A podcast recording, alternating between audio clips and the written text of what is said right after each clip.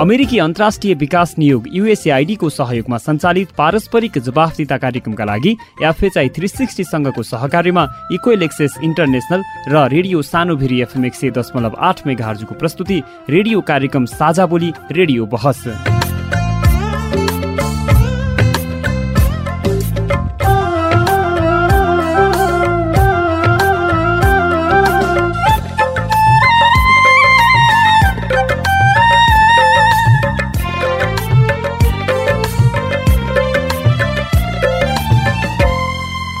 नमस्कार साझा बोली रेडियो बहसमा तपाईँलाई स्वागत छ। म मनिष खड्का साझा बोली रेडियो बहसमा हामी नागरिक समाज आम सञ्चार माध्यम र सार्वजनिक निकाय बीचको पारस्परिक जवाफदिता र आपसिद्धिको सम्बन्धका विषयमा बहस गर्छौँ। पारस्परिक जवाफदिताका क्षेत्रीय सवाल र परिवेश समेटेर तयार पारिएको साझा बोली रेडियो बहसको यो स्थानीय संस्करण हो। आजको साझा बोली रेडियो सानी फेरि एफएम एक सय दशमलव आठ मेगाजले उत्पादन गरेको हो। यो कार्यक्रम रोल्पा जिल्लाको रेडियो रोल्पा एफएम र सल्यान जिल्लाको रेडियो शारदा एफएम त्यस्तै प्युठान जिल्लाको रेडियो किरपाल एफएमबाट पनि सुन्न सकिन्छ। जवाफदिताको राष्ट्रिय सवालमा नीति र कार्यान्वयनको समन्वय गर्ने साझा बोली रेडियो बहसको केन्द्रीय संस्करण इक्वेल एक्सेस इन्टरनेसनलले काठमाडौँमा उत्पादन गर्छ। साझा बोलीका दुवै संस्करणहरू तपाईँले हरेक हप्ता एकै समयमा सुन्न सक्नुहुन्छ। साझा बोली रेडियो बहसको यस सत्रको यो स्थानीय संस्करणको तेह्रौँ भाग हो झन्डै चार वर्ष अघिदेखि प्रसारण भइरहेको साझा बोली यस वर्ष रेडियो बहसका रूपमा उत्पादन तथा प्रसारण सुरु भएको हो। साझा बोली रेडियो बहसको आजको भागमा हामी स्थानीय तहमा रोजगारीको अवस्थाका विषयमा बहस गर्दैछौँ। गाउँठाउँमा र स्वदेशमा रोजगारी पाइएन भनेर ठुलो जनसङ्ख्या विदेशमा छ। यस्तै सङ्ख्यामा जाने तयारीमा छन्। दलहरूले पनि स्थानीय तहको निर्वाचनताका विजयी भएमा स्थानीय तहमै रोजगारी सिर्जना गर्ने भनेर प्रतिबद्धताहरू व्यक्त गरेका थिए। निर्वाचित हुनेहरूले पनि स्थानीय तहमा रोजगारीका अवसरहरू सिर्जना गर्ने भनेर भने। तर हाल स्थानीय तहमा रोजगारीका अवसरहरू सिर्जना भएको देखिन्न। आज हामी यो विषयमा छलफल गर्दैछौँ।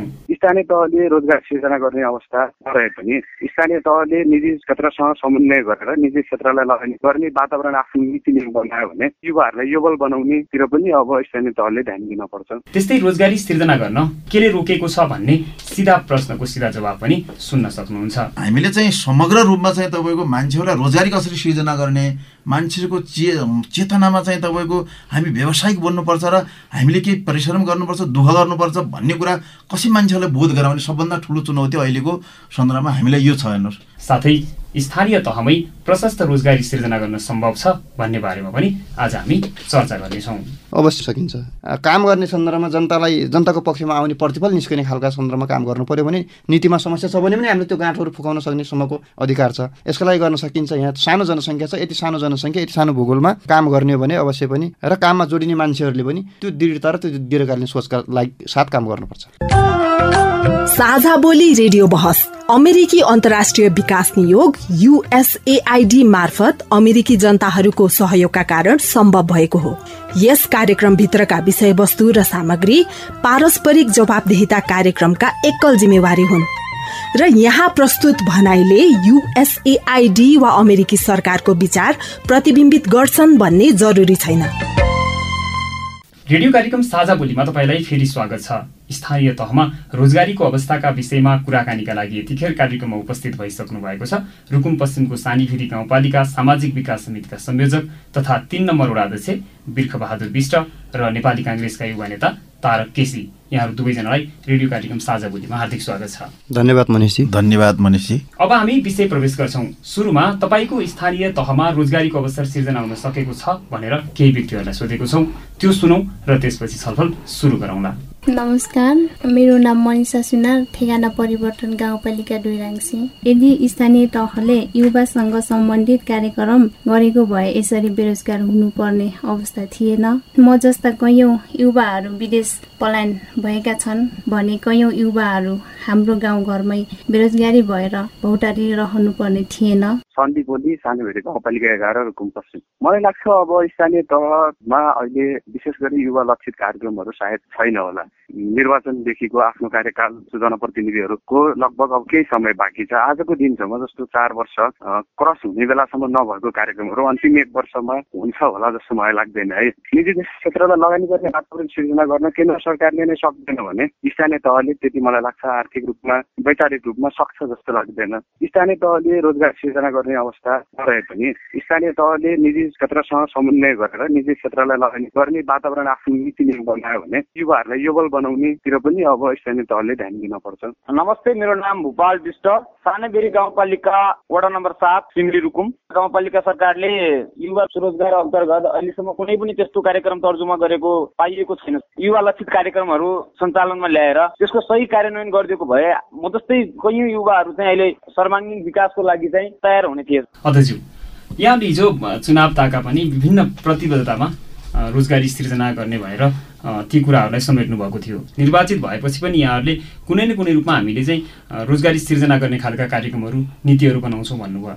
तपाईँको स्थानीय तह सानीबेरी गाउँपालिकाले अहिलेसम्म रोजगारीका अवसरहरू कति सिर्जना गर्यो? तपाईँहरू आएपछि कति मान्छे चाहिँ रोजगारमूलक भए?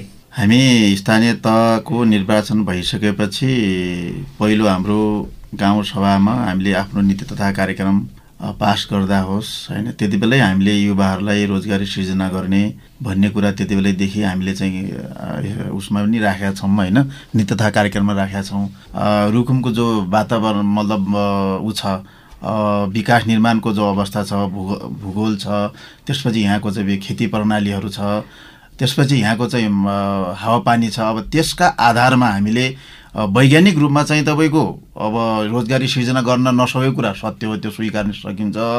तर वास्तवमा अहिलेसम्म कुनै पनि रोजगारी सिर्जना नभएको भन्ने कुरो होइन फेरि। हामीसँग धेरै रोजगारी सिर्जनाहरू धेरै रुकुमकै स्थानीय तहले त्यो पनि हाम्रो सानीबेरी गाउँपालिकाले कुनै न कुनै रूपमा हामीले चाहिँ त्यस्तो खालको चाहिँ रोजगारी सिर्जना हामी गरेका छौँ। सिर्जना गर्नुभयो त्यो रोजगारी? के मार्फत युवाहरू जसले चाहिँ रोजगारी खोजिरहेका थिए रोजगारको आवश्यकता थियो त्यसले चाहिँ रोजगारी पाए? अब विभिन्न तरिकाले हामीले त्यो सिर्जना गरेका छौँ। पहिलो कुरा त केही सङ्घ सरकारसँग मिलेरै हामीले चाहिँ प्रधानमन्त्री मुख्यमन्त्री रोजगार कार्यक्रम पनि छ। त्यो पनि अब कतिपयले यो रोजगारै होइन भन्ने भन्छन्। तर तैपनि विगतको सरकार भन्दा त त्यो पनि एक किसिमको रोजगार हो। त्यो एकछिन त्यो आखिर कार्यान्वयन त हामीले गर्नुपर्छ नि त स्थानीय सरकारले गर्नुपर्छ।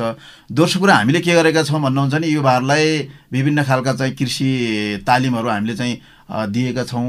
अब त्यसपछि सहकारीहरू मार्फत हामीले कृषि तालिमहरू दिएका छौँ पशु सम्बन्धी तालिमहरू हामीले दिएका छौँ विभिन्न संस्थाहरूसँग मिलेर हामीले तालिमहरू दिएका छौँ र तालिम लिएका युवाहरूले पनि अथवा युवा युवतीहरूले पनि त्यो ठाउँमा गएर उहाँहरूले राम्रो व्यवसाय गरेका पनि हामीसँग हाम्रो वडाहरूमा चाहिँ गाउँपालिकाहरूमा त्यस्ता उदाहरणहरू छन्। म तपाईँले त्यो भन्न सक्छु।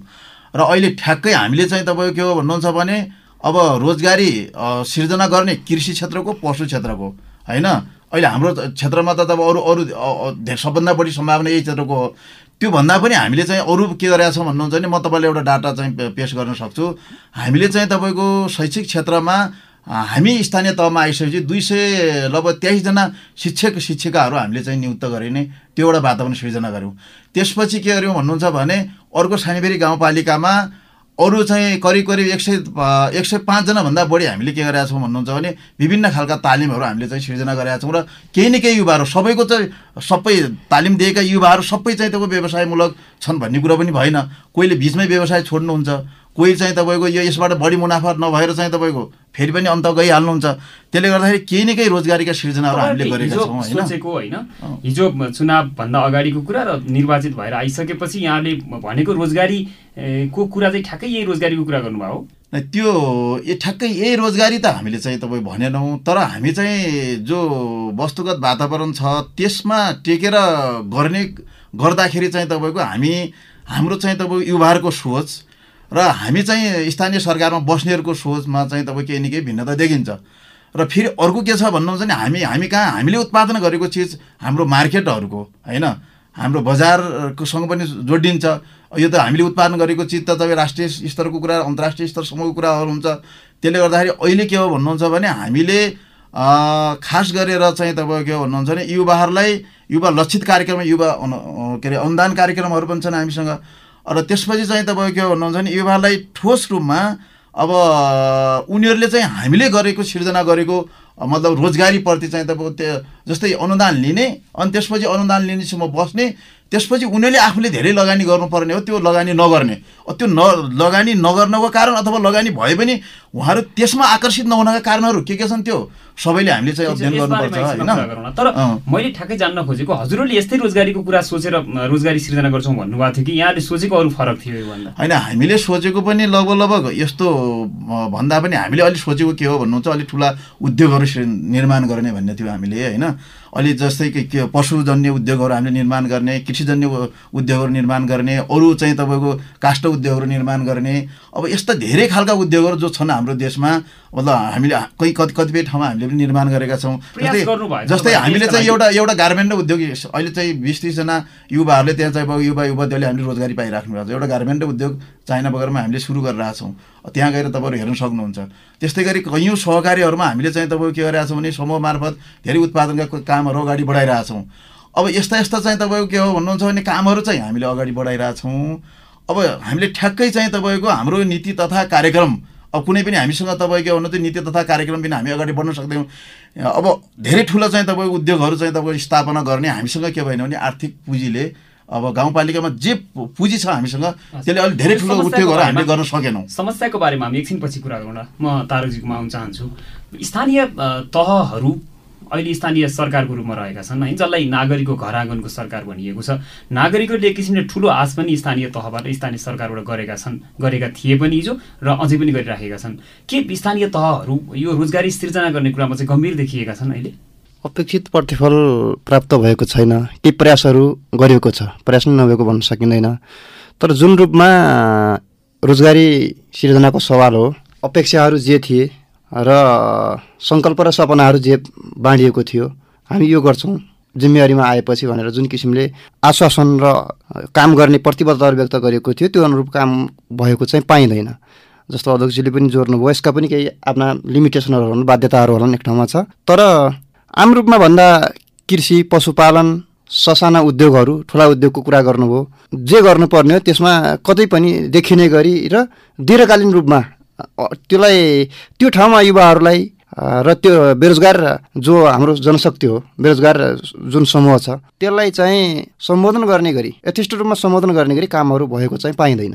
कतिपय सन्दर्भमा यहाँ दृढ इच्छा शक्तिको कमीले पनि यो काम नभएको देखिन्छ कतिपय सन्दर्भमा नीति र योजनाको अभाव पनि देखिन्छ कतिपय सन्दर्भमा जो रोजगारीमा संलग्न हुनुपर्ने हो रोजगार निर्माणमा रोजगार उत्पादनमा जसले चाहिँ आफ्नो योगदान देखाउनु पर्ने हो जो समाहित हुनुपर्ने हो उनीहरूले पनि बिचमा छोडेर हिँडिदिने निश्चित रकम अनुदानहरू लिँदासम्म त्यहाँ चाहिँ लाग्ने त्यसपछि फेरि त्यसलाई निरन्तरता दिने कुरामा पनि समस्या देखिएको पाइन्छ। अब हामीहरूले पनि कतिपय सन्दर्भमा छलफल गर्ने गर्छौँ जस्तो नेपाली काङ्ग्रेस पार्टी निर्वाचित वडा अध्यक्षहरू पनि हुनुहुन्छ। उहाँहरूले कति गर्नुभयो त फरक देखिने गरी। आम मान्छेले अनुभूति गर्ने गरी र मान्छेलाई चाहिँ काम भएको छ भनेर आँखाले देख्न सकिने गरी र जीवनशैलीमा अनुभूति हुने गरी काम भएको छ कि छैन भनेर हेर्दाखेरि काम भएको पाइँदैन। खास गरी इच्छा शक्तिकै मैले अभाव देख्छु। धेरै गर्न सकिन्छ जस्तो लाग्छ।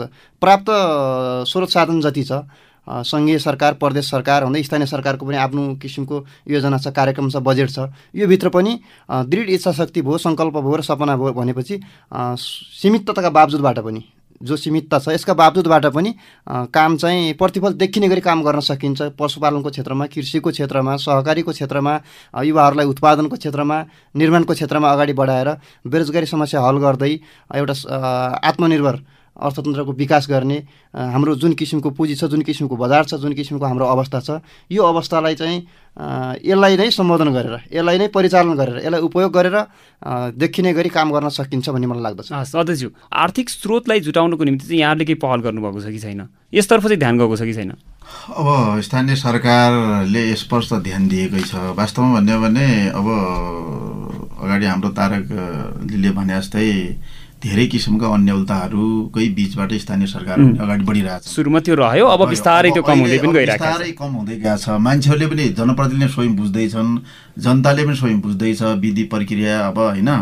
अब अहिले स्रोतहरू हामीले चाहिँ जुट नजुटा भन्ने छैन। प्रदेश सरकारबाट हामीले विभिन्न खालका स्रोतहरू प्राप्त गरिरहेका छौँ सङ्घीय सरकारबाट पनि केही न केही स्रोतहरू हामीसँग छ।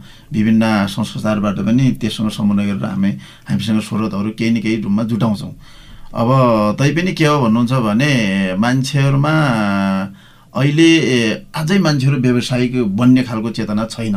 किन छैन भन्नुहुन्छ भने हामीको हिजोको उत्पादन सम्बन्ध र अहिलेको उत्पादन सम्बन्धसँग धेरै कुराहरू जोडिएको त्यसमा त स्थानीय सरकारको महत्त्वपूर्ण भूमिका रहला नि होइन।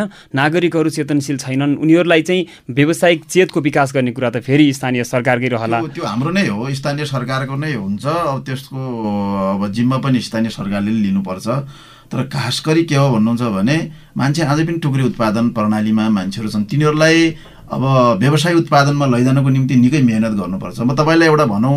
तपाईँ हामी सबै गाउँघरका मान्छे किसानका छोरा सानो सानो लसुन पनि त्यही ठाउँमा लाउने प्याज पनि त्यहीँ लाउने अब त्यसपछि तपाईँको के भने अदुवा पनि त्यहीँ लाउने अनि त्यसपछि तपाईँको हुनुहुन्छ भने धनियाँ त्यहीँ लाउने मेथी त्यहीँ लाउने एउटै जग्गामा। अनि घरमा पनि एउटै चाहिँ तपाईँको भेडो भेडा पाल्नुपर्ने बाख्रो पाल्नुपर्ने एउटा भैँसी पाल्नुपर्ने एउटा गाई पाल्नुपर्ने एउटा एघल गोरु पाल्नुपर्ने। अब यहाँलाई पनि लाग्दैन जस्तो। म अलिकति यहाँलाई सजिलो बनाइदिएँ। अब यहाँहरूले अनुदानका कार्यक्रमहरू चाहिँ वर्षेनी लाखौँ रुपियाँको चलाउनुहुन्छ करोडौँ रुपियाँ भनौँ न अनुदानको रूपमा जान्छ। यहाँले चाहिँ जस्तो तालिमको कुरा गर्नुभयो र अहिले अनुदानको कुरालाई जोड्दै हुनुहुन्थ्यो यहाँले अनुदान त्यति प्रभावकारी भएन भनेर यहाँहरू सन्तुष्ट हुनुहुन्न त्यो कुरा यहाँले स्वीकार राख्नुभएको छ। तर अब यो अनुदानको कार्यक्रम चाहिँ यसले त रोजगारी सिर्जना गर्ने रहेनछ। यो कार्यक्रमलाई अब हामीले परिमार्जन गर्नुपर्छ। अनुदान अनुदान भनेर मात्रै पनि हुने रहेनछ भन्ने कुरा चाहिँ चेत अब स्थानीय तहलाई आयो कि आएन अथवा चाहिँ आउनुपर्ने बेला भयो कि भएन। म त्यसैमा आउँदै थिएँ मनिषजी। अनि मान्छेहरूको चेतना र अब हाम्रो सोचमा केही न केही ग्याप छ क्या अहिलेको सिचुएसनमा। ठ्याक्कै केही न केही ग्याप छ। त्यसले अहिले चाहिँ अनुदान टोटल हामीले चाहिँ त्यसलाई तिरस्कारै गर्न खोजे होइन। तर अनुदानमा चाहिँ तपाईँको दुई तिन किसिमको अभ्यास भयो क्या यो बिचमा। एउटा के भयो भन्नुहुन्छ भने पुरै पुरै अनुदान हन्ड्रेड पर्सेन्ट अनुदान दिने भयो। अर्को के भन्दा फिफ्टी पर्सेन्ट लागत सहभागिता हुने भयो। त्यसमा भित्र पनि के हुने भयो भने अनुदानमा जस्तै एउटा सामान्य गरिब मान्छेले जो दलित छ जसको केही पनि छैन त्यो मान्छेले त तपाईँ फिफ्टी पर्सेन्ट पनि जुटाउन नसक्ने स्थिति देखियो अनु अनुदानको कुरा गर्दाखेरि। अनि त्यसपछि चाहिँ के भन्नुहुन्छ कोही राम्रो व्यवसाय गर्ने मान्छेले यो एक दुई चार वर्ष विदेश बसी आएको छ उसँग आठ दस लाख छ भने आठ दस लाखको लागि अनुदान दिने भने आठ दस लाख आफू लगानी गर्यो भने त सबभन्दा राम्रो व्यवसाय गरे पनि देखियो। अथवा पाँच लाख रुपियाँ चाहिँ दिने अब पाँच लाख आफ्नो गर्दाखेरि त्यो पनि राम्रो व्यवसाय देखियो। जो कि सामान्यभन्दा सामान्य गरिब मान्छेले चाहिँ पचास हजारै जुटाउन नसक्ने स्थिति सिर्जनामा हामीले चाहिँ त्यस्तालाई फेरि फिफ्टी पर्सेन्ट लागत सहभागिता अनुदान भनेर हुँदो रहेछ क्या त्यसलाई? त्यसलाई पूर्ण रूपमा अनुदान दिने। रूपमा अनुदान दिए उसले के बुद्धि रहेछ भन्नु? यो त मैले सरकारले मलाई त्यसै खाना दिएको पैसा भनेर बुझिदिँदैन उसले रेगुलर ढङ्गले चाहिँ तपाईँ त्यता मतलब व्यवसायतिर नलैजाने। अब त्यसलाई चाहिँ तपाईँ के हो भन्नुहुन्छ भने हामीले पनि विभिन्न चरणको तिनीहरूलाई तालिम चेतना शिक्षा अब यो गर्दा यो हुन्छ भन्ने कुराहरू पनि हामीले दिइ पनि राखेका छौँ। तर पर्याप्त मात्रामा त्यो छैन हजुर। अब यो युवा लक्षित बजेटको कुरा हुनसक्छ होइन? जसले चाहिँ युवा स्वरोजगारका निम्ति त्यो खर्च होस् र त्यसले केही युवाहरूलाई रोजगार बनाउन सकोस्। यस्तो बजेटतर्फ चाहिँ यहाँले कतिको ध्यान दिनुभएको छ? त्यो दिएका छौँ। युवामा दुई तिन किसिमले हामीले बजेट निर्माण गरेका पनि छौँ। अहिले पनि हामीले यस आर्थिक वर्ष पनि हामीसँग बजेट छ। पहिलो कुरा युवालाई अलिक बढी ध्यान हामीले स्वीकार्नै पर्छ। खेलकुदतर्फ हामीले बढी स्थानीय सरकारहरूले विभिन्न सांस्कृतिक कार्यक्रमहरू खेलकुदतर्फ बढी चाहिँ तपाईँको अलिक बढी जोड दिए जस्तो देखिन्छ। हामीले पनि त्यसलाई पहिले सुरुमा त्यसलाई दियौँ। र अहिले हामीले चाहिँ खास गरी युवा लक्षित भनेको व्यावसायिक तालिमहरू को कुराबाट हामीले सुरु गरेका छौँ। अब त्योभन्दा व्यावसायिक तालिमहरू र अब विभिन्न ठाउँमा विभिन्न संस्थाहरूसँग साझेदारी गरेर मतलब उनीहरूको केही लगानी केही हाम्रो लगानी गरेर खास गरी सि सिलाइ कटाइ सम्बन्धी तालिम दिने त्यसपछि तपाईँको भने यो पशु सम्बन्धी चाहिँ हामीले तालिम दिने कृषि सम्बन्धी हामीले तालिम दिने अनि त्यसपछि यो कोही मोबाइल रिपेयरिङ सम्बन्धी तालिम दिने हेयर कटिङहरू तालिम दिने होइन?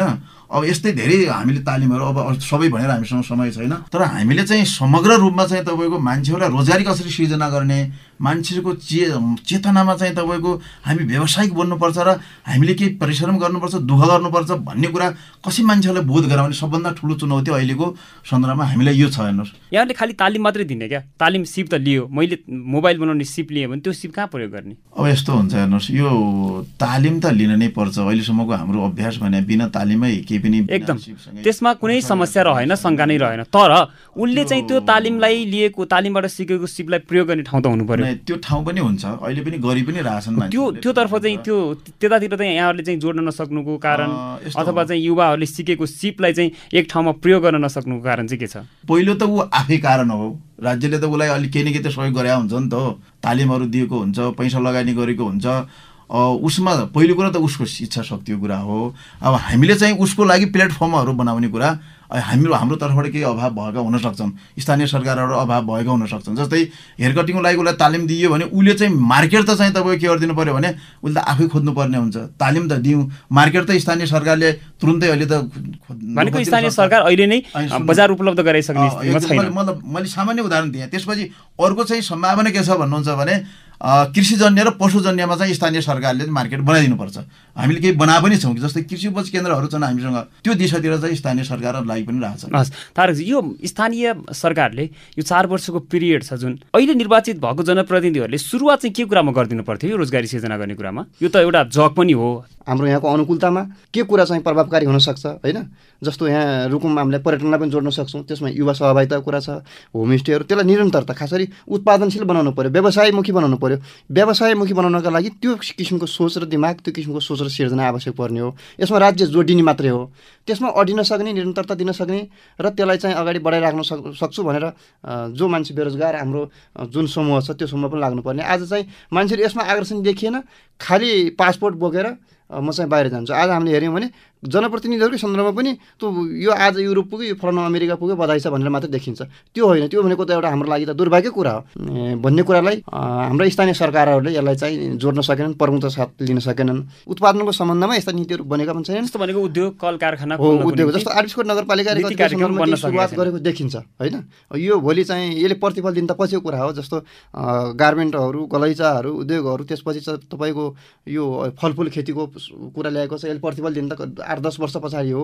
त्यस कारणले यो ढङ्गले चाहिँ जान राम्रो हुन्छ भन्ने कुरा। काम गरेको सन्दर्भमा मेला महोत्सव खेलकुद के कार्यक्रमहरूले बजेट सक्ने यसलाई चाहिँ कनिका छरेको जस्तो देखिने बाहिर देख्दाखेरि यहाँ चाहिँ ठुलै पैसाको भर्सार भएको छ कमिसन भएको छ भनेर मान्छेहरू आम मानिसमा पनि पर्ने। त्यसले प्रतिफल पनि फेरि हेर्दाखेरि नदेखिने। अनुभूत जनताले अनुभूत जे गरेको छ नि हो त्यही किसिमको बाहिर चाहिँ पर्ने भएको हुनाले यस्तो कार्यक्रम रोकेर अगाडि अनुदानमा समस्या छ। हामीले अनुदानका दुई तिनवटा अभ्यास पनि गरौँ भन्नुभयो। यो गर्नुपर्ने देखिन्छ जरुर। तपाईँ अहिले पारस्परिक जवाफदिता प्रवर्तनका लागि साझा बोली रेडियो बहस सुन्दै हुनुहुन्छ।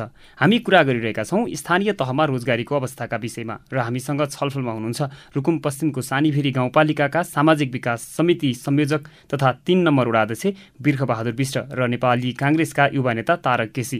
यतिन्जेल हामीले स्थानीय तहमा रोजगारीको अवसर सिर्जनाको प्रयासका विषयमा छलफल गरेका छौँ। साझा बोली रेडियो बहसमा अब हामी स्थानीय तहमा रोजगारीका अवसर सिर्जना गर्न नसक्नुका पछाडि के कारण छन् भन्ने विषयमा छलफल गर्नेछौँ। रेडियो कार्यक्रम सुन्दै गर्नुहोला।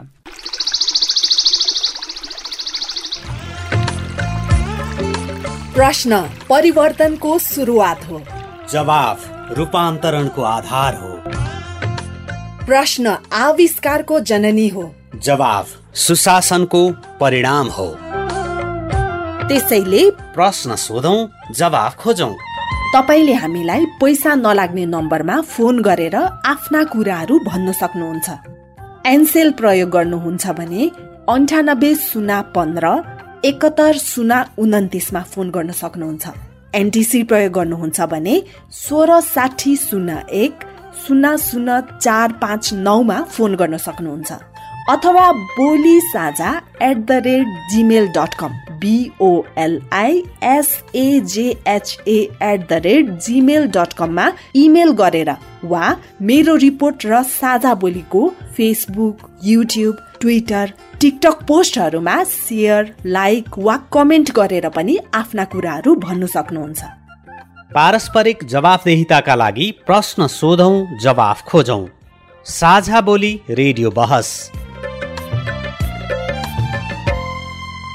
रेडियो कार्यक्रम साझा बोलीमा स्थानीय तहमा रोजगारीको अवस्थाका विषयमा सवाल जवाब सुन्दै हुनुहुन्छ। हामीसँग हुनुहुन्छ रुकुम पश्चिमको सानीभेरी गाउँपालिकाका सामाजिक विकास समितिका संयोजक तथा तीन नम्बर वडाध्यक्ष बिर्खबहादुर विष्ट र नेपाली काङ्ग्रेसका युवा नेता तारक केसी। यतिन्जेल हामीले स्थानीय तहमा रोजगारी सिर्जना हुन सकेको छ त भन्ने बारेमा कुराकानी गरेका छौँ। अब हामी रोजगारी सिर्जना गर्न देखिएका चुनौतीका विषयमा छलफल गर्छौँ। म अध्यक्षज्यूकोमा आउन चाहेँ हिजो त यहाँहरूले हामीले चुनाव जितेपछि सबै गरिहाल्छौँ भन्ने जस्तो कुरा पनि देखियो होइन? एउटा व्यक्तिगत कुरा भएन यो आम रूपमा हेर्दाखेरि त्यस्तो देखियो। हामीले अब चुनाव जित्यौँ अब सबै कुरा हुन्छ भन्ने किसिमको कुरा यहाँहरूलाई पनि थियो र त्यो अनुसारले यहाँहरूले पनि बाहिर व्यक्त गर्ने अभिव्यक्तिहरू त्यस्ता थिए। तर भने जस्तो सजिलो चाहिँ नहुने रहेछ होइन? हामीले सुरुवात पनि गरेका छौँ होइन? फेरि एउटा कुरा के हो भन्नुहुन्छ भने तपाईँले ठ्याक्कै मैले छोटौँ भन्दाखेरि हाम्रो देशको भूगोल असाध्यै गाह्रो छ। त समस्यामा भन्नु भने तर समस्याका राम्रो गर्ने प्रयास त राम्रो गर्ने प्रयास गरिराख्नुपर्छ। रुकुमका चाहिँ स्थानीय तहले अन्यत्रको भन्दा राम्रो गर्ने प्रयास गरिरहेछन् अब यहाँको तपाईँले म एउटा छोटो कुरा गरौँ। अब नारायण घाटमा दुई हजार दस सालमा गाडी आयो। मतलब गाडी यातायातको सुविधा थियो। दुई हजार दस साल एघार बाह्र सालतिर। तर रुकुममा हामीले कहिलेदेखि यातायात हामीले चाहिँ बल्ल उपयोग गर्न पायौँ। हामी कहाँ विद्युत कहिलेदेखि हामीले उपयोग गर्न पायौँ? हामी कहाँ सडकहरूको स्कुलका भवनहरू चाहिँ हामीले कति राम्रोसँग हाम्रो बच्चा बच्चीहरू चाहिँ तपाईँको चाहिँ पानी परेको बेलामा आँधीहुरी लागेको बेलामा हामीले ओत लाग्ने स्थिति अब त्यति मात्रै भनेर? म म आउँदैछु यसमा। तपाईँ यति कुरा गर्नुहोस् कि अब पाँच सात वर्षदेखि अगाडिको चाहिँ हाम्रो रुकुमको अवस्था र अहिलेको अवस्थामा तात्विक भिन्नता छै छैन? यो प्रयत्न चाहिँ तपाईँको के भने यो चुनौती छ नि यहाँलाई होइन? अब हिजो हिजो सुरुवातदेखि नै विकास भएका ठाउँसँग त प्रतिस्पर्धा गर्नको लागि रुकुम जस्ता पहाडी र हिमाली क्षेत्र जो एकदमै दुर्गम क्षेत्रका ठाउँहरू छन् ती क्षेत्रका तपाईँ जनप्रतिनिधिहरूलाई बढी चुनौती त देखियो नि। त्यो पक्कै त्यसले गर्दाखेरि पहिलो समस्या मैले किन भन्न खोजेँ भने पहिलो कुरा यहाँको चाहिँ जो इन्भाइरोमेन्ट छ त्यो समस्या विगतका सरकारहरूलाई पनि थियो अहिले पनि छ। तर हाम्रा पुर्खाले यति काम मात्रै गरिदिएको भए त हामी त चाहिँ अहिलेको चाहिँ युवाहरूलाई त हामी के गर्थ्यौँ भने चाहिँ अर्को रोजगारीको सिर्जना गर्थ्यौँ नि त हामीले चाहिँ के गर्थ्यौँ? घर घरमा रोजगार दिन सकिन्छ सकिन्छ। त्यो कन्फिडेन्स त्यो आत्मविश्वास हामीसँग छ। कसरी जाने भन्ने विषयमा हामीसँग के गर्यो भन्नुहुन्छ भने काम गर्दै जाँदाखेरि आउने कुरा भयो क्या एकातिर चाहिँ बाटो पनि बनाउनु पर्ने सिँचाइ पनि बनाउनु पर्ने स्कुलको भवन पनि बनाउनु पर्ने अनि त्यसपछि चाहिँ के हो भन्नुहुन्छ भने पानी खानेपानी पनि बनाउनु पर्ने होइन सडकका नालीहरू पनि बनाउनु पर्ने। अब सबभन्दा बढी बजेट हाम्रो कहाँनिर भयो भने त्यतापट्टि खर्चिने स्थिति भयो क्या किनभने त्यो त्यो भौतिक विकास नगरुन्जेसम्म हामी त्यसो फेरि रोजगारी सृजना गर्ने स्थिति पनि छैन। एउटा किसानले उत्पादन गरेको वस्तु त अर्को ठाउँमा पुर्याउनु पऱ्यो नि त ती त खपत हुँदैन नि त। त्यो हिसाबले सडक चाहियो। त्यो अर्को त्यो बत्ती पनि चाहियो। त्यसपछि तपाईँ के हो भन्नुहुन्छ भने अरू चाहिँ त्यस्ता ठुल्ठुला चाहिँ तपाईँको विद्यालयहरूमा भवन पनि चाहियो। अनि शिक्षक तपाईँको हिजो कस्तो थियो तपाईँले देख्नु भएको छ? गाउँमा हजार पन्ध्र सय रुपियाँ तपाईँको के भन्नु महिनामा उठाएर शिक्षकहरू राख्ने स्थिति थियो। त्यो कुरा पनि त हल गर्नुपर्ने स्थिति भयो। हामी त त्यो अप्ठ्यारो अवस्थामा थियौँ कि? त्यसले गर्दाखेरि भनेको जति चाहिँ तपाईँको यस्ता समस्याले गर्दाखेरि भनेको जति हामीले रोजगारी सृजना गर्न सकिरहेको छैनौँ यो कुरा अब हाम्रो सबैको ध्यान फेरि त्यसमा गइरहेछ फेरि। अबको स्थानीय तहले सबभन्दा बढी पहिला त्यही काम गर्नुपर्छ। हामीले त्यो त्यो किसिमको प्लान पनि योजना पनि हामीले बनाएको छौँ र काम गर्दैछौँ त्यसमा पनि। इच्छा शक्ति पनि चुनौतीको रूपमा देखिया हो भन्न मिल्छ? इच्छा शक्ति पनि चुनौतीको रूपमा देखिया छ। त्यो स्वयं जनप्रतिनिधिको इच्छा शक्ति पनि हुनसक्छ। अनि त्यसपछि पब्लिकको र त्यसपछि स्वयं रोजगारी सृजना गर्ने त्यस्तो व्यवसायिक चेतना भएका इच्छा शक्ति पनि जनताले जिताएर पठाएपछि त यहाँहरूबाट बढी आश गर्छन् जनता कस्तो छन् त्यसले फरक पार्दैन। नेतृत्वले कसरी चाहिँ नेतृत्व गर्यो भन्ने कुरा चाहिँ मेन कुरा होला। सबै कुरा के हुन्छ भने तपाईँले संसारभरिका चाहिँ मान्छेहरूको चाहिँ देशको इतिहास राम्रो विकसित भएको इतिहास हेर्नु हो भने नेतृत्वमा सबभन्दा पहिला चाहिँ पारदर्शिता र त्यसपछि इच्छा शक्ति र त्यसपछि तपाईँको योजना भिजन र प्लान हुनुपर्छ। त्यो कुरा सही छ। त्यो सँगसँगै चाहिँ तपाईँ नेतृत्वलाई सहयोग गर्ने र त्यस सँगसँगै हिँड्ने जनता पनि चाहिन्छ क्या होइन? यहाँ हाम्रो के छ भने के हो? भन्नुहुन्छ अलिकति चाहिँ तपाईँको डिक्टरसिप लाग्ने भने विरोध सुरु भइहाल्छ। त्यो पनि हामीले देखेकै कुरा हो। अलिअलि चाहिँ हाम्रो हामी कहाँ जनताको पनि समस्या छैन मेन कुरा त नेता कहीँ समस्या हो। म त्यसलाई कुरालाई स्वीकार छु। हाम्रो लिडरहरू कहीँ नै समस्या हो। सबै पार्टीका लिडरहरूसँग समस्या भएकै कुरा त्यसपछि एवं रिलले सोपानका अनुसार हुन त्यो सकेला। जनताको धेरै गरिब जनता त्यो चाहिँ तपाईँको सबभन्दा चाहिँ तपाईँको कमजोर जनताले सबभन्दा गाउँमा चाहिँ चप्पल लाउने जनताले त तपाईँको न भ्रष्टाचार गर्न जाने छ न अरू केही गर्न जाने छ न बदमासी गर्न जाने छ। उसले त धेरै जान्दैन।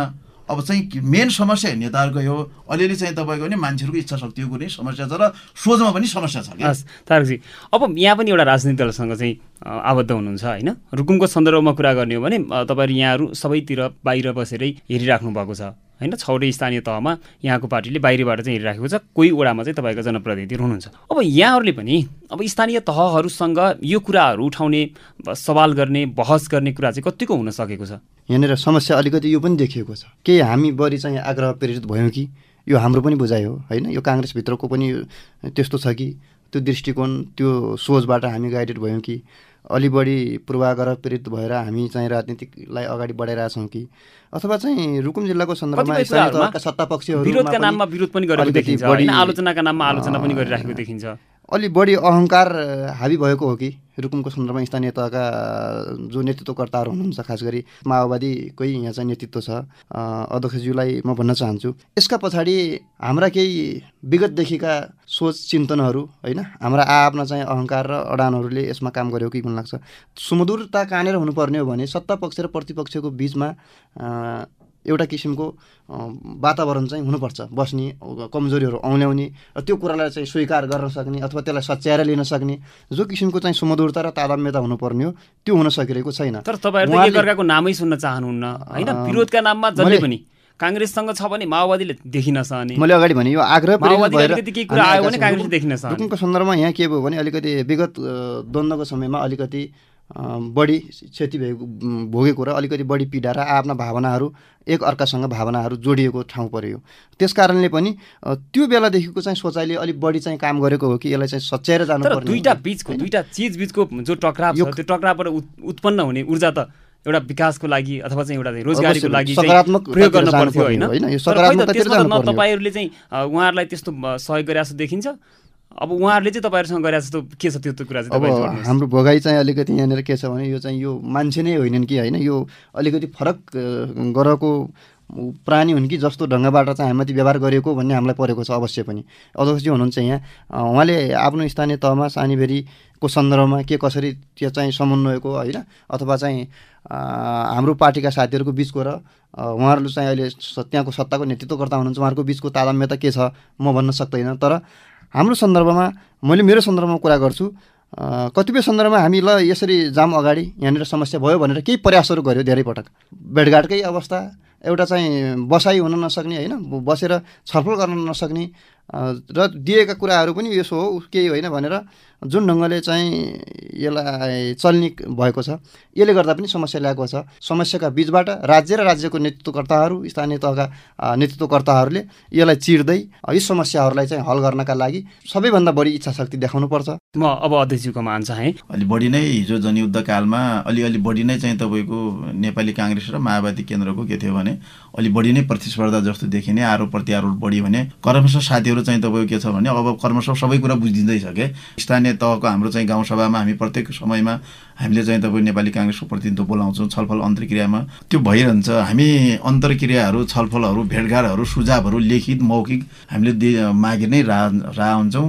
र त्यही किसिमले उहाँहरूका कतिपय कुरा पनि हामीले हल गरेका हुन्छौँ। काम गर्न प्रयास गर्दै गर्दाखेरि देखिएका जुन चुनौती छन् जुन समस्याहरू छन् जुन अवरोधहरू छन् त्यसलाई हल गर्नको लागि चाहिँ यहाँहरूले सरकारले गरिराखेको अहिले ठ्याक्कै प्रयत्न चाहिँ के हो? हामी एक्लैले गर्न सक्दैनौँ। किन भन्नुहुन्छ भने रोजगारी सृजना गर्ने सडकसँग जोडिएको छ। अनि त्यसपछि सिँचाइसँग जोडिएको छ विद्युतसँग जोडिएको छ वनसँग जोडिएको छ। हरेक कुराहरू योसँग यिन यिनका यो यो क्षेत्रगत अधिकारहरू पनि छन्। त्यसले गर्दाखेरि समस्या कहाँ हो भन्ने कुरा पनि हामीले पहिचान गरिसक्यौँ। यो समस्याको बारे पनि हाम्रो छलफल भयो। अब चाहिँ तपाईँको हामी कसरी बढ्ने भन्ने समयमा सुझाव सबैका लिने काम सरकारमा बसेका मान्छेले त्यसलाई कार्यान्वयन गर्ने समग्र रोजगारी सृजना हामीले कसरी गर्ने भन्नेबाट नै सबभन्दा पहिलो कुरा हामीले चाहिँ तपाईँको हामी हाम्रो अगाडि चुनौती देखा परिरहेको छ। यो त सिङ्गो देशकै समस्या हो। अब यो सन् झन् रुकुमकै समस्या हो क्या हामीले चाहिँ तपाईँको के गरेका छौँ हाम्रो नेताहरूले हामीले चाहिँ तपाईँको ल रोजगारी घोषणा गर्ने भनेर चाहिँ त यति सृजना गर्ने भनेर भनेका छौँ म तपाईँले ठ्याक्कै एउटा प्लान भनिदिन्छु। हाम्रो जिल्लामा हामीले के गर्न खोजेका छौँ भन्नुहुन्छ भने सबै युवाहरूलाई सबै चाहिँ तपाईँको त्यस्ता व्यवसायीहरूलाई अथवा जो कृषि गर्न चाहन्छन् पशु खेती गर्न चाहन्छन् अथवा केही न केही उद्यम गर्न चाहनेहरूलाई हामीले चाहिँ के गरेका छौँ भने बैङ्कहरूसँग सम्झौता गरेर सहकार्य कृषि समूह भनेर बनाएका छौँ।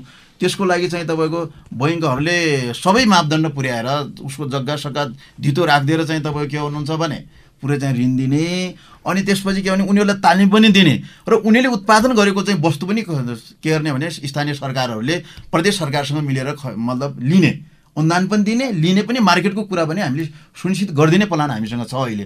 त्यो कार्यान्वयनको चरणमा छौँ हामी अहिले। केही वर्षपछि यसको मतलब तपाईँले प्रतिफल देख्नुहुन्छ।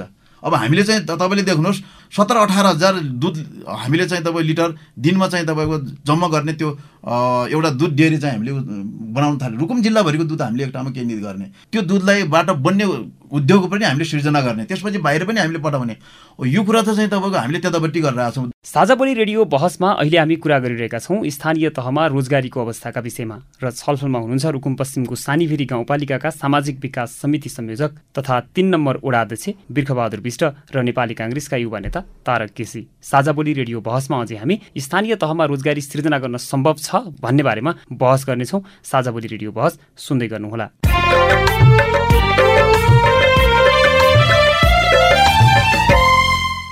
कार्यक्रममा अब हामी स्थानीय तहमा के साँच्चै रोजगारी सृजना गर्न सम्भव छ भन्ने विषयमा छलफल गर्न गइरहेका छौँ। म फेरि अध्यक्षज्यूकोमै आउन चाहन्छु। के स्थानीय तहमा साँच्चै रोजगारी सृजना गर्न सम्भव छ त? छ। मैले त त्यो दिगो रोजगारीको कुरा पनि छ सम्भव पनि छ। मैले त्यो म त एकदम पूर्ण रूपमा कन्फिडेन्स छु। मलाई यति धेरै आत्मविश्वास छ। त्यसका आधारहरू यसका। आधारहरू पहिलो आधार त के छ भने हामी घर दैलोको सरकार छ। ट्याक्कै समस्याहरू चाहिँ जनताले ल्यायो भने त्यो समस्या हल गर्न सकिन्छ पहिलो आधार त्यो अर्को आधार के छ भने हामीसँग अहिले प्रशस्त रूपमा सडकहरूको सञ्जाल हामी कहाँ केही गाउँमा अलिकति बर्खा सडक बाहेक अरू सडकको सञ्जाल हामीसँग भइसकेको छ। अरू विद्युत प्रसारणको लाइन पनि हामीसँग लगभग लगभग अब एक वर्षभित्रमा लगभग हामी रुकुम जिल्ला सबैमा हामी पुर्याउन प्रयत्न चाहिँ सङ्घ सरकारबाट अगाडि बढिरहेछ। पहिलो कुरा सडकको आधार दोस्रो कुरा विद्युतको आधार। हामीसँग अर्को आधार के छ भने हामीसँग जङ्गल छ। पशु पालन सम्बन्धी हामीसँग चाहिँ तपाईँको जङ्गल छ त्यो पनि हामीसँग आधारहरू छ। त्यसपछि अर्को जडीबुटीको कुरा पनि छ। हामीले त्यसलाई पनि जडीबुटी कुनै जडीबुटी जन्य उद्योगहरू हामीले काष्ठ उद्योगहरू हामीले सृजना गर्न सक्छौँ। अनि त्यसपछि चाहिँ अर्को आधार के छ भने मान्छेलाई अर्को एउटा के परिसकेको छ भन्नुहुन्छ भने अब हामीले व्यवसाय नगरुन्जेसम्म सिप नसिकुन्जेसम्म यो चाहिँ तपाईँको फिरिन्ते जस्तो जीवन हामीले चाहिँ अब बिताउन सकिन्न। धेरै मान्छेलाई चाहिँ के गर्न सकिन्छ भने रोजगारी सृजना गर्न पनि सकिन्छ। उनीहरूलाई त्यो चेतको चाहिँ तपाईँको के भन्नुहुन्छ भने उनीहरूलाई चाहिँ तपाईँ त्यो दिशातिर अगाडि बढाउन पनि सकिन्छ। भनेको स्थानीय तहले नै प्रयास थाले भने स्थानीय तहमै रोजगारी सृजना गरेर जो बाहिर जाने क्रम छ अहिले त्यो शक्तिलाई यहीँ रोक्न सक्ने। आधारहरू छन्? त्यसको लागि पहिलो कुरा त चाहिँ तपाईँको के भन्नुहुन्छ भने राजनीतिक पूर्वाग्रह र आग्रहबाट मान्छे सबै चाहिँ तपाईँको हामीले त्याग्नुपर्छ। तारकजी अब अ, अहिले म ठ्याक्कै यही कुरा यही प्रश्न दोहोऱ्याउँछु तपाईँलाई। स्थानीय सरकारहरूले पहल गरे भने बाहिर जाने जो जनशक्ति छ मलेसियातिर अब अथवा दुबईतिर कतारतिर जाने जनशक्तिलाई यहीँ रुकुममै अथवा चाहिँ यहीँ देशमै चाहिँ रोक्न सकिन्छ त्यसले? अवश्य रोक्न सकिन्छ। त्यहाँ गएर पनि श्रम बेच्नु पर्ने हो नेपालीहरू श्रम कोरियामा गएर तरकारी खेती गरे हो। इजरायलमा तरकारी खेतीकै लागि। पालनमा लागेको गाई फार्ममा लागेको काम गरिरहेको हाम्रा युवाहरू। विश्व श्रम बजारमा नेपालीहरूको श्रम अत्यन्तै सस्तो छ भन्ने गरिन्छ नि अवश्य पनि रोक्न सकिन्छ। त्यहाँ गर्ने जुन श्रम हो जुन समय हो जुन जवानी हो जुन लगानी हो जुन ऊर्जा हो त्यसको प्रयोग हामीले यहाँ गऱ्यौँ भने अवश्य सकिन्छ। तर अध्यक्षले भन्नुभयो अगाडि बजार पनि हुनु पऱ्यो होइन सरकारहरू त्यसपछि चाहिँ यहाँका स्थानीय निकायहरू बजार निर्माण गर्ने उत्पादनको सम्बन्ध बजारसँग रहन्छ। त्यस कारणले यो कुरातर्फ लागिदिनुपर्छ।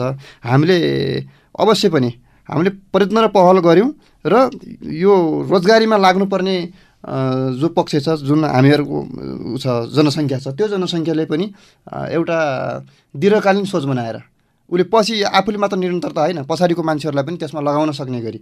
त्यो उत्पादनसँग जोडिने गरी काम गर्नुपर्छ। तर मान्छेहरूलाई घर ठाउँमा धेरै दुःख नगर्ने बाहिर गएपछि जे गर्न पनि तयार हो यो एउटा चाहिँ परम्परागत जुन किसिमको हामी हाम्रो सोच छ संस्कार छ र हामीले त्यसलाई त्योबाट अलिकति माथि उठ्न सकेनौँ। हाम्रो मनमा खेलिरहेका केही कुराहरूलाई हामीले त्यही कुरा निरन्तरता दिएनौँ भने त्यसको रिजल्ट र त्यसको परिणति पनि त्यही हुन्छ। तर त्योभन्दा अलिकति माथि उठेर हामीले चाहिँ फरक तरिकाले सोच्यौँ भने त्यसको रिजल्ट फेरि फरक हुन्छ। त्यस कारणले हामीले जो परम्परागत चिन्तन सोच शैली र परम्परागत हाम्रो चाहिँ यो उत्पादन प्रणालीको कुरा गरिरहेको छौँ अगाडि यसलाई चाहिँ अलिकति सोच्नुपर्ने देखिन्छ। हामीले चाहिँ राज्यले लगानी पनि गरिरहेको छ। धेर थोरको कुरा होला एक ठाउँमा। तर त्यसलाई चाहिँ निरन्तरता नदिने बिचमै छोडेर हिँडिदिने जस्तो कतिपय माछा पालनहरू बिचमा ल्याएर पोखरी बनाएर छोडेर हिँडेका सुकेका देखिन्छन्। कतिपय तरकारी फार्महरू टनेल बनाएर छोडेका हिँडेर हिँडेका हिँडेका देखिन्छन्। समस्या होला बजारको समस्या होला त्यसलाई चाहिँ अगाडि बढाउनका लागि थप आर्थिक स्रोतको समस्या होला। त्यसपछि चाहिँ त्यसलाई चाहिँ जनशक्तिको समस्यालाई ठाउँमा छ। तर जनशक्ति व्यवस्थापनको कुरा त्यसलाई त्यो तरकारी खेतीमा भोलि चाहिँ रोग लाग्यो किरा लाग्यो समस्या पऱ्यो भने हेरिदिने जनशक्ति उत्पादन गरिदिनु पऱ्यो स्थानीय सरकारहरूले बजारको व्यवस्थापन गरिदिनु पऱ्यो यसका लागि नीतिमा समस्या छ भने नीति पनि बदल्न सक्ने अवस्था छ अहिले स्थानीय सरकारहरूलाई प्रदेश सरकारहरूलाई सङ्घ सरकार नीति नीति अनुकूलता काम गर्ने सन्दर्भमा जनतालाई जनताको पक्षमा आउने प्रतिफल निस्कने खालका सन्दर्भमा काम गर्नु पऱ्यो भने नीतिमा समस्या छ भने पनि हामीले त्यो गाँठहरू फुकाउन सक्ने सम्मको अधिकार छ।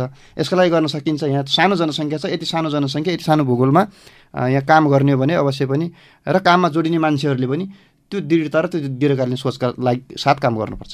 साझापल्ली रेडियो बसमा अहिले हामी कुरा गरिरहेका छौँ स्थानीय तहमा रोजगारीको अवस्थाका विषयमा। हामीसँग हुनुहुन्छ रुकुम पश्चिमको सानीफेरी गाउँपालिकाका सामाजिक विकास समिति संयोजक तथा तिन नम्बर उडाध्यक्ष बिर्खबहादुर विष्ट र नेपाली काङ्ग्रेसका युवा नेता तारक केसी। अब हामी कार्यक्रमको अन्त्यतिर आइपुगेका छौँ। अन्तिममा म एक एकवटा प्रश्न मात्रै सोध्छु। सुरुमा म अध्यक्षज्यूकोमा जान चाहन्छु। तपाईँको कार्यकालमा अब यो केही समय बाँकी छ। यो कार्यकालमा चाहिँ रोजगारीका अवसरहरू अब थप केही सिर्जना हुने सम्भावना अथवा चाहिँ त्यसको सुरुवात हुने अवस्था चाहिँ देख्न सकिन्छ सकिन त्यो अवश्य तपाईँहरूले हेर्न पाउनुहुन्छ। त्यस्ता अवसरहरू त्यस्ता कार्यक्रमहरू मैले पनि बनाएको छु। अब यही आर्थिक वर्षहरूमा हामीले लागू गर्दैछौँ। अब युवाहरूलाई अब हामीले चाहिँ तपाईँको भने विदेश सबभन्दा पहिलो कुरा त युवाहरूलाई विदेशीबाट हामीले कसरी रोक्ने? म तपाईँलाई एउटा भन्छु साठी लाख असी लाख खर्च गरेर मान्छेहरू अमेरिका जाँदैछन्। त्यो कुरा हाम्रो लागि मतलब धेरै कुरा डेन्जर कुरा छ। अब यो मानव तस्करीमा कति मान्छेहरू चाहिँ तपाईँ अलपत्र परेका छन् कति लासहरू हाम्रो गाउँ पनि आउँछन्। अब यसो सबै हेर्दाखेरि कहिलेकाहीँ के हुन्छ भन्नुहुन्छ भने अब एकदम छिटै केही न केही गरौँ केही न केही प्रतिफल दिउँ जनतालाई र सबै मान्छेको मतलब अनुहारमा खुसी कसरी भर्ने भन्ने त्यो इच्छा शक्ति हामीसँग छ। रुकुमको स्थानीय तहमा छ। सायद अब के हुन्छ भन्नु अहिले चाहिँ नेपाली काङ्ग्रेस हाम्रो पनि गठबन्धनको सरकारमाथि छ। अब पक्कै पनि त्यसले पनि केही गर्नुला। प्रदेशमा पनि हाम्रो गठबन्धनको सरकार छ। अब अहिलेको परिस्थितिले फेरि के गरेको छ भन्नुहुन्छ भने हामीलाई फेरि सबै मिलेर देश निर्माण गर्ने। अबको चरणमा हामी हिजो सबै मिलेर चाहिँ संविधान निर्माण गऱ्यौँ। अबको चरण भनेको सबै मिलेर चाहिँ तपाईँको पनि एमाले काङ्ग्रेस माओवादी सबै मिलेर सबै शक्तिहरू मिलेर चाहिँ जनतालाई कसरी हुन्छ रोजगारी सिर्जना गर्ने जनतालाई खुसी र धनी कसरी बनाउने भन्ने कुरा मात्रै हाम्रा लिडरले सोच्यौँ। सोचे भने हामीले सोच्यौँ भने असम्भव म देख्दैन। यसमा प्रतिबद्ध हुनुहुन्छ यहाँहरू? हामी यसमा प्रतिबद्ध छौँ। यसमा कुनै कता गए हामीले चाहिँ तपाईँको के राख्दैनौँ भन्नुहुन्छ भने कलकसर बाँकी राख्दैनौँ। टोटल हाम्रो पार्टी त्यसपछि हाम्रा जनप्रतिनिधिहरू हाम्रो स्थानीय सरकार सबै त्यही दिशामा अगाडि बढेका छन् तपाईँले सबै स्थानीय तहका चाहिँ तपाईँको रुकुमकै नीति तथा कार्यक्रम हेर्नुभयो भने सबै कुरा त्यसप्रति वारेन्टेसन छन्। अब म तारकजीमा जान चाहेँ अन्तिम प्रश्न हो यो। बेरोजगार नागरिकलाई रोजगारी दिनको लागि चाहिँ अब स्थानीय तहलाई यसरी चाहिँ तपाईँहरू जानुहोस् अगाडि बढ्नुहोस्। हाम्रो साथ छ। अथवा नभए पनि तपाईँले एउटा आम नागरिकले गर्ने पार्टीगत कुरा फरक छ। आम एकजना नागरिकले गर्ने कुरामा पनि अब आफ्ना योजनाहरू सुनाउने ध्यान आकर्षण गराउने यसरी जानुहोस् भनेर आइडिया दिने कुरामा चाहिँ यहाँहरूले अहिलेसम्म गरिराखेको कुरालाई चाहिँ अब बढाउने कुरामा के सोच्नु भएको छ? र अब आगामी दिनमा यहाँहरूको भूमिका चाहिँ कसरी देख्न सकिन्छ? हामी अत्यन्तै सकारात्मक तवरका साथ हामीले आफ्नो यो साथ सहयोग र समर्थन गर्छौँ। समस्याहरूको पहिचान सम्भावनाहरूको खोजी त्यसपछि गर्न सकिने कामहरूको सन्दर्भमा यसरी जाँदा राम्रो हुन्छ। यसले जनताको मुहारमा हाँसो ल्याउन सक्छ जनताको मुहारमा खुसी फर्काउन सक्छ र गाउँलाई बसौँ बसौँ बनाउने खालको बनाउन सक्छ भनेर योजनाहरू निर्माण गर्ने कुराहरू समस्याहरूको चाहिँ पहिचान गर्ने समस्याहरूको निराकरण गर्ने सन्दर्भमा र सम्भावनाहरूको खोजी गर्दै हामीले आम जनताको मुहारमा खुसी ल्याउनका लागि सरकार स्थानीय तहहरू राज आम राजनीतिक दलहरू आम समुदायहरू कसरी प्रयत्नशील बन्न सकिन्छ भन्ने सन्दर्भमा छलफल चलाउने बहस चलाउने समस्या भएको ठाउँमा यहाँनिर गलत भएको छ यो कुरालाई चाहिँ रोक्न जरुरी देखिन्छ। बरु एउटा एउटा यस्तो किसिमको नयाँ किसिमको कार्यक्रम ल्याउँ। यहाँनिर यसरी अगाडि बढाउँदा राम्रो हुन्छ। सम्भावनाहरू हामी कहाँ जे जे सम्भावना सक्छन् त्यो सन्दर्भमा चाहिँ हामीहरू आफ्ना कुराहरू राख्ने नियमित संवाद छलफल गर्ने सन्दर्भमा तयार छौँ जहिले पनि। समग्र पक्षहरू समाजका राजनीतिक दलहरू आम समुदाय सचेत मान्छेहरू र विकास अभियन्ताहरू अधिकार कर्मीहरू सबैले पनि जनतालाई पहिलो प्राथमिकता राखेर पहिलो घेरामा जनतालाई राखेर उहाँहरूका समस्याहरू समाधान गर्ने सन्दर्भमा र नयाँ अवसरहरू सिर्जना गर्ने सन्दर्भमा सधैँ एकाकार भएर सँगसँगै हिँड्ने प्रतिबद्धता व्यक्त गर्न चाहन्छु। आजको हाम्रो छलफलमा सहभागी भइदिनु भएकोमा यहाँहरू दुवैजनालाई धेरै धेरै धन्यवाद। धन्यवाद। विशेष धन्यवाद दिन चाहन्छु मनिषजी।